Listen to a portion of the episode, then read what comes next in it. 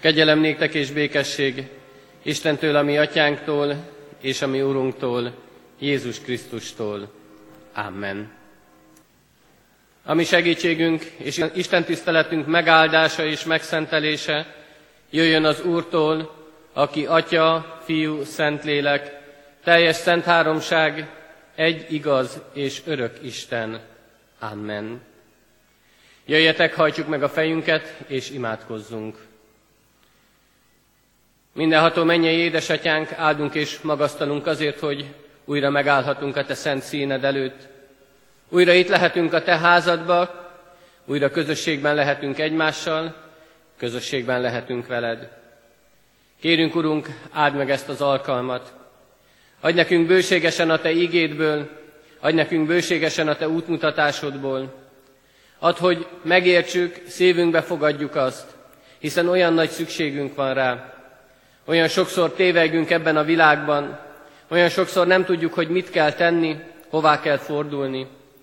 Te adj nekünk útmutatást, Te adj nekünk tanítást. Addurunk, hogy ezt meg tudjuk érteni, be tudjuk fogadni. Add, hogy ne a világba akarjuk keresni a mi boldogulásunkat, hanem a Te szent ígédben. Abban az ígében, amelyet Te adsz, amely itt van közöttünk minden nap, küldöd a Te üzenetedet, adod a Te igédet. Kérünk ad, hogy ez nekünk szóljon, tudjunk hazavinni ebből, tudjuk ott forgatni tovább, tudjunk rajta gondolkodni.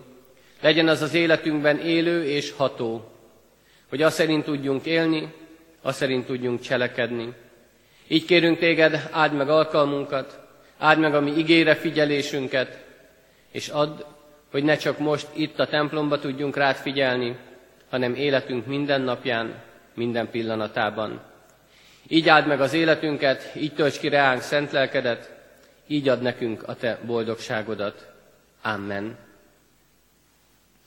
Kedves testvérek, Isten igéjét a zsidókhoz írt levélből olvasom, a zsidókhoz írt levélből az első fejezet első négy versét, amely így hangzik. Miután régen sokszor és sokféleképpen szólt az Isten az atyákhoz a proféták által, ezekben a végső időkben a fiú által szól hozzánk, akit örökösévé tett mindeneknek, aki által a világot teremtette. Ő Isten dicsőségének a kisugárzása és lényének képmása, aki hatalmas szavával hordozza a mindenséget, aki miután minket bűneinktől megtisztított, a mennyei felség jobbjára ült, annyival feljebb való az angyaloknál, amennyivel különb neve, nevet örökölt nálunk. Kedves testvérek, hadd emeljek ki egy kis igerészletet ebből a felolvasott igéből, a harmadik, a harmadik versből, amely így hangzik. Ő Isten dicsőségének a kisugárzása és lényének képmása. Amen. Kedves testvérek, Isten fiáról, Jézus Krisztusról halljuk a kijelentést a zsidókhoz írt levélben, és a levél szerzője már itt a legelején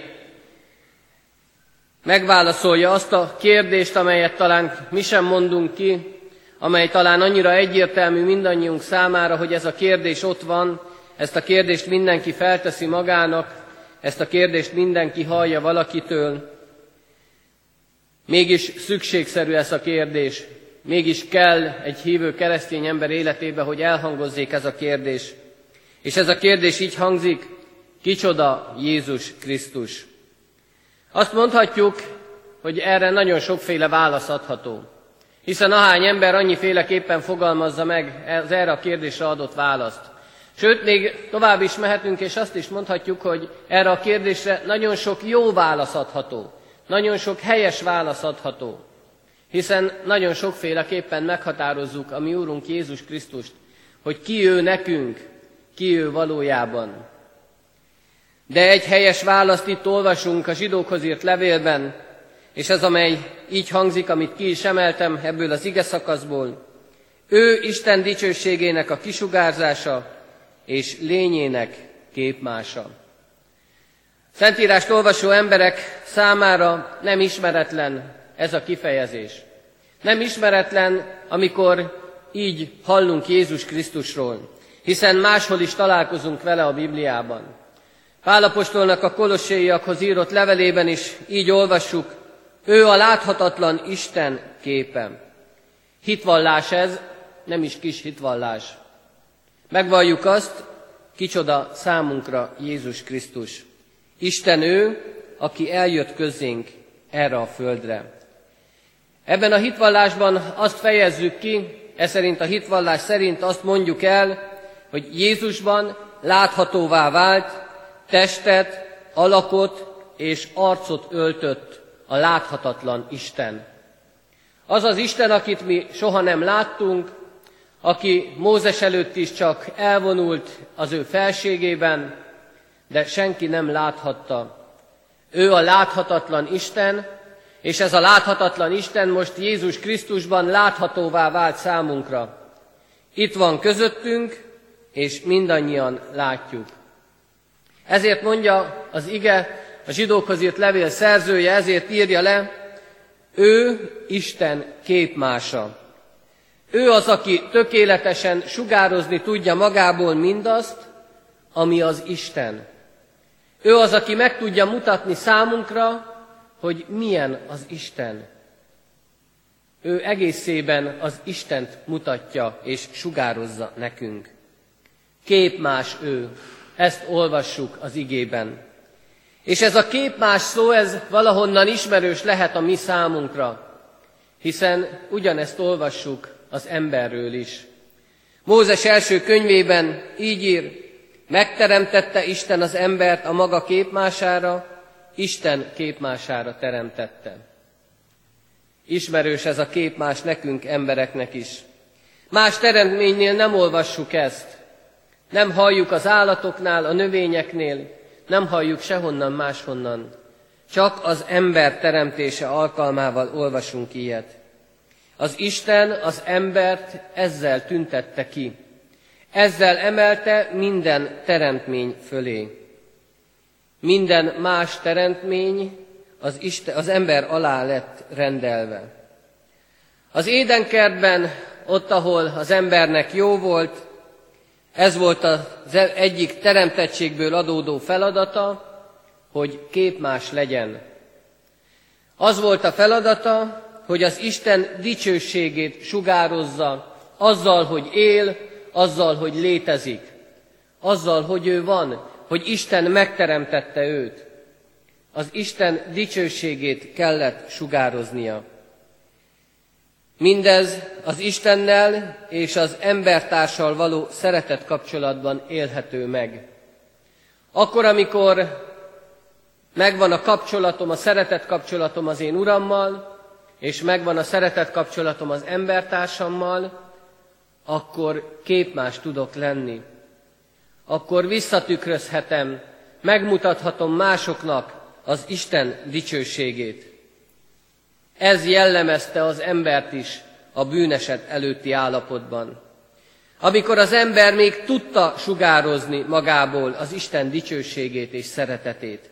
Amikor sugározni tudta ezt az embertárs felé, és vissza tudta tükrözni az Isten felé. Hiszen ez a képmás feladata. Átadni másoknak, és visszaigazolni annak, ahonnan jön. De az ember kilépett ebből a szerepből. Az ember azt mondta, hogy neki erre nincs szüksége.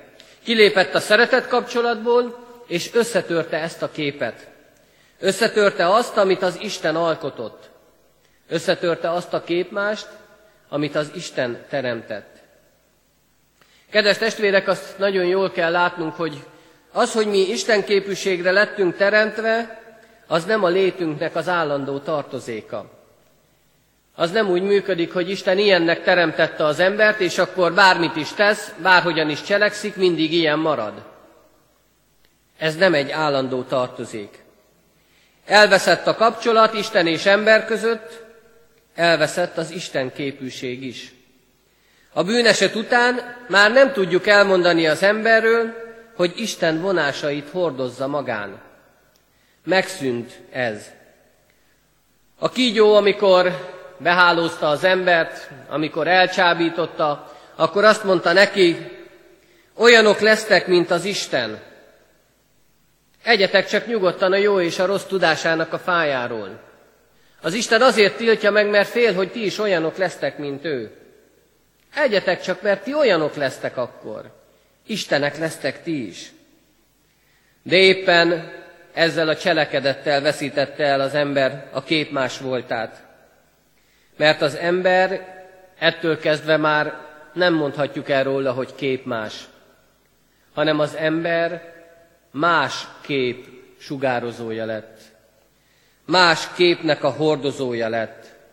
Ezért írhatta Vörös Marti egyik versében, ez őrült sár, ez Isten arcú lény, nincs remény. Az emberfaj sárkányfog vetemény. Nem túl hízelgő számunkra, amikor így fogalmazzuk meg. Az embernek a nagy bukása és a nagy tragédiája az, amikor elveszítette az Istennel a szeretet kapcsolatot, amikor összetörte ezt a képet, amit az Isten alkotott. Egykor pedig, mint képmás visszatükrözhette az Isten dicsőségét. Most pedig saját reménytelenségünket sugározzuk. És tudja, és látja, tapasztalja ezt a zsidókhoz írt levél szerzője is. Mégis azt olvassuk és azt látjuk a felolvasott ige szakaszból, hogy reménység van a szívében. A reménységről beszél, arról prédikál. Hiszen arról a Krisztusról tesz tanúbizonyságot, aki emberként újra tudott Istenképű lenni, aki tökéletesen és tisztán sugározza magából az Istennek a dicsőségét. Arról a Krisztusról tesz bizonyságot, aki tökéletes szeretet kapcsolatban volt az atyával. Sőt, még ettől is sokkal többre mutat. És számunkra ez az igazi evangélium, ez az igazi öröm, amikor ezt halljuk. Isten lényének a képmás az olyan, mint Jézus Krisztus. És ezt a képmást mi újra visszaállíthatjuk az életünkben. Mert Jézus Krisztus, az Isten képmása megtisztított bennünket is a mi bűneinkből.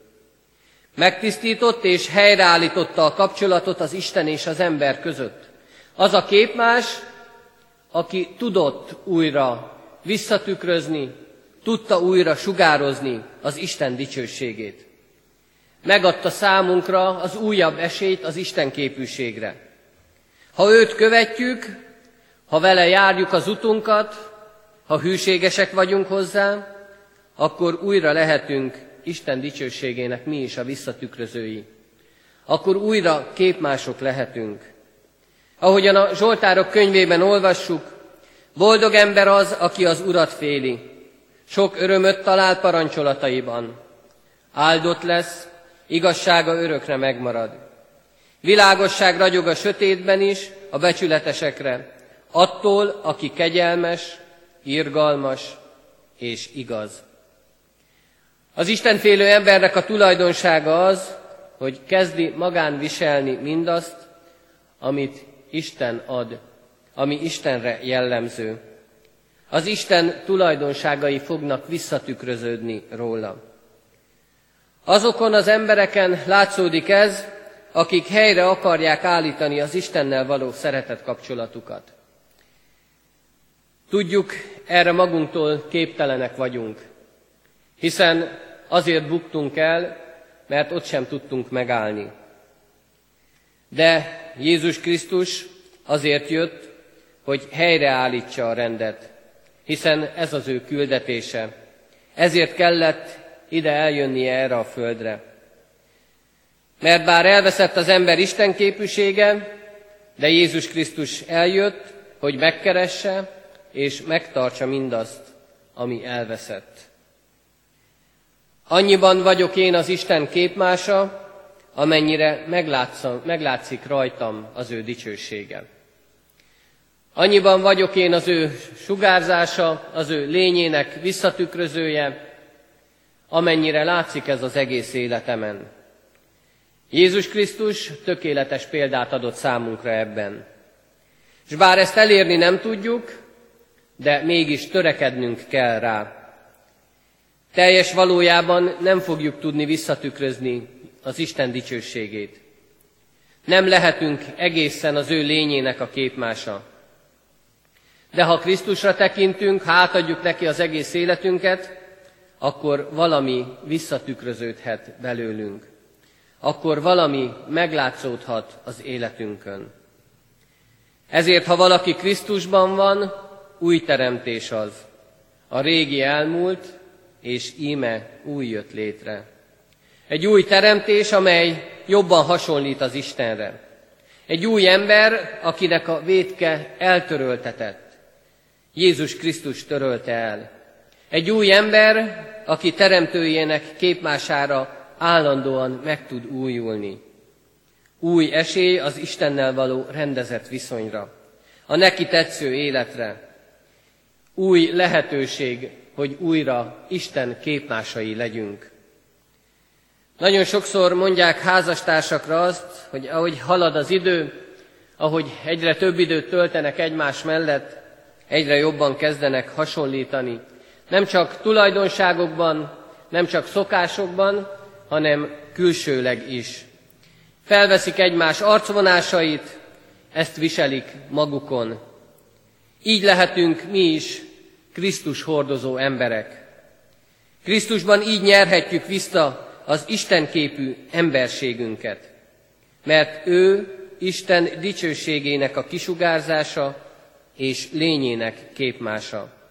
És ha mi kötődünk a mi Urunkhoz, Jézus Krisztushoz, ha az életünket neki rendeljük alá, akkor megtapasztaljuk az ő nagyságát, az ő szeretetét, és rajtunk keresztül mások is megtapasztalhatják azt, hogy milyen az Isten. Megtapasztalhatják az Isten irgalmát, ezt vihetjük közel másokhoz, megmutathatjuk nekik, hogy milyen a mennyei boldogság. Visszatükröződik majd ez az életünkön.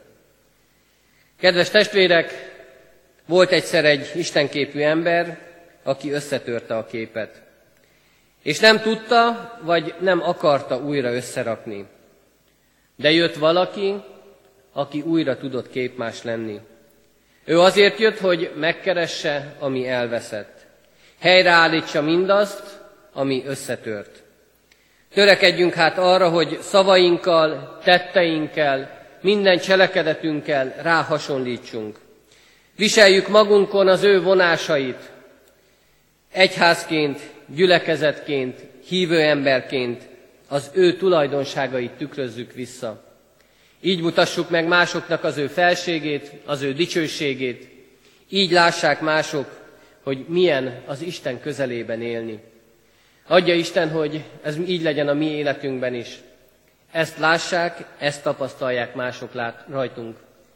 Mert ha vissza tudjuk tükrözni, sugározni tudjuk az Isten dicsőségét, akkor örök életünk lesz. Ezt adja meg nekünk a mi mennyei atyánk. Amen.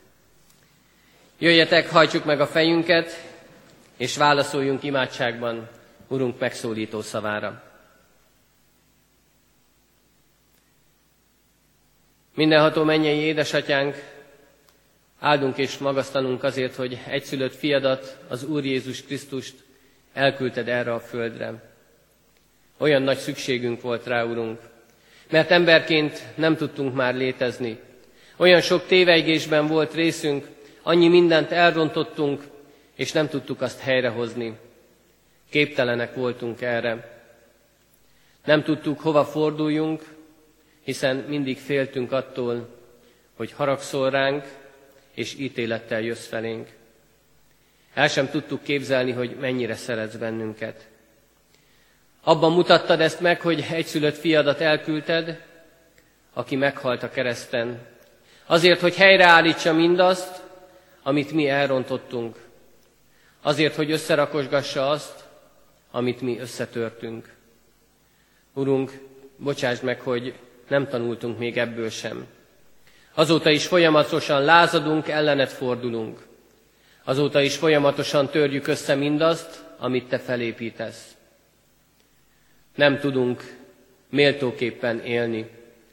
Nem tudjuk megmutatni másoknak sokszor az Isten képűségünket. Pedig te a saját képmásodra teremtettél bennünket. De nekünk ez nem kell, nekünk erre nincs szükségünk. Mégis azt kell látnunk és azt kell tapasztalnunk, hogy enélkül nem tudunk élni. Enélkül csak kínlódás az életünk, és csak erre a földi életre korlátozódik. Adurunk, hogy észrevegyük, milyen csodálatos és nagy ajándékot készítettél el, ha te fiadban nekünk. Azzal, hogy ő értünk meghalt, azzal, hogy ő keresztre feszített, azzal, hogy őt keresztre feszítették, nekünk milyen csodálatos lehetőség nyílott meg. Kérünk ad, hogy tudjunk ezzel élni. Tudjuk elfogadni tőled ezt a nagy ajándékot, azért, hogy újra képmások lehessünk. Ne más képet hordozzunk magunkban, ne mást akarjunk megmutatni a világnak, hanem csak is egyedül téged, az örök Istent, akinek a dicsősége nagyobb mindennél, akinek a hatalma nagyobb mindennél. Ezt sugározzuk, ezt tükrözzük vissza. Ehhez kérjük tőled az erőt, ehhez kérjük tőled a kitartást, hogy ne adjuk fel, és ne akarjunk hinni minden más csábító gondolatnak, csábító kísértésnek, hanem egyedül csak rád figyeljünk, a te akaratodat teljesítsük. Akarjunk abba a szeretet kapcsolatba élni, amelyet te tudsz nyújtani számunkra. Így kérünk téged, áld meg az életünket, viselj gondot reánk, hogy valóban a te képmásod lehessünk ebben a földi életben. Tölts ki reánk szent lelkedet, vonj magadhoz közel, most és mindenkor. Amen. Foglaljuk össze a mi lelkünk könyörgését, közösen elmondva a mi Urunktól, Jézus Krisztustól tanult imádságunkat. Mi, Atyánk, aki a mennyekben vagy, szenteltessék meg a Te neved. Jöjjön el a Te országod, legyen meg a Te akaratod, amint a mennyben, úgy a földön is. Minden napi kenyerünket add meg nékünk ma, és bocsásd meg védkeinket, miképpen mi is megbocsátunk az ellenünk védkezőknek. És ne vigy minket kísértésbe, de szabadíts meg a gonosztól, mert tiéd az ország, a hatalom és a dicsőség. Mindörökké. Amen. Istennek népe, áldjon meg téged az Úr, és őrizzen meg téged. Világosítsa meg az Úr az ő arcát te rajtad, és könyörüljön rajtad. Fordítsa az Úr az ő arcát te reád, és adjon békességet neked. Amen.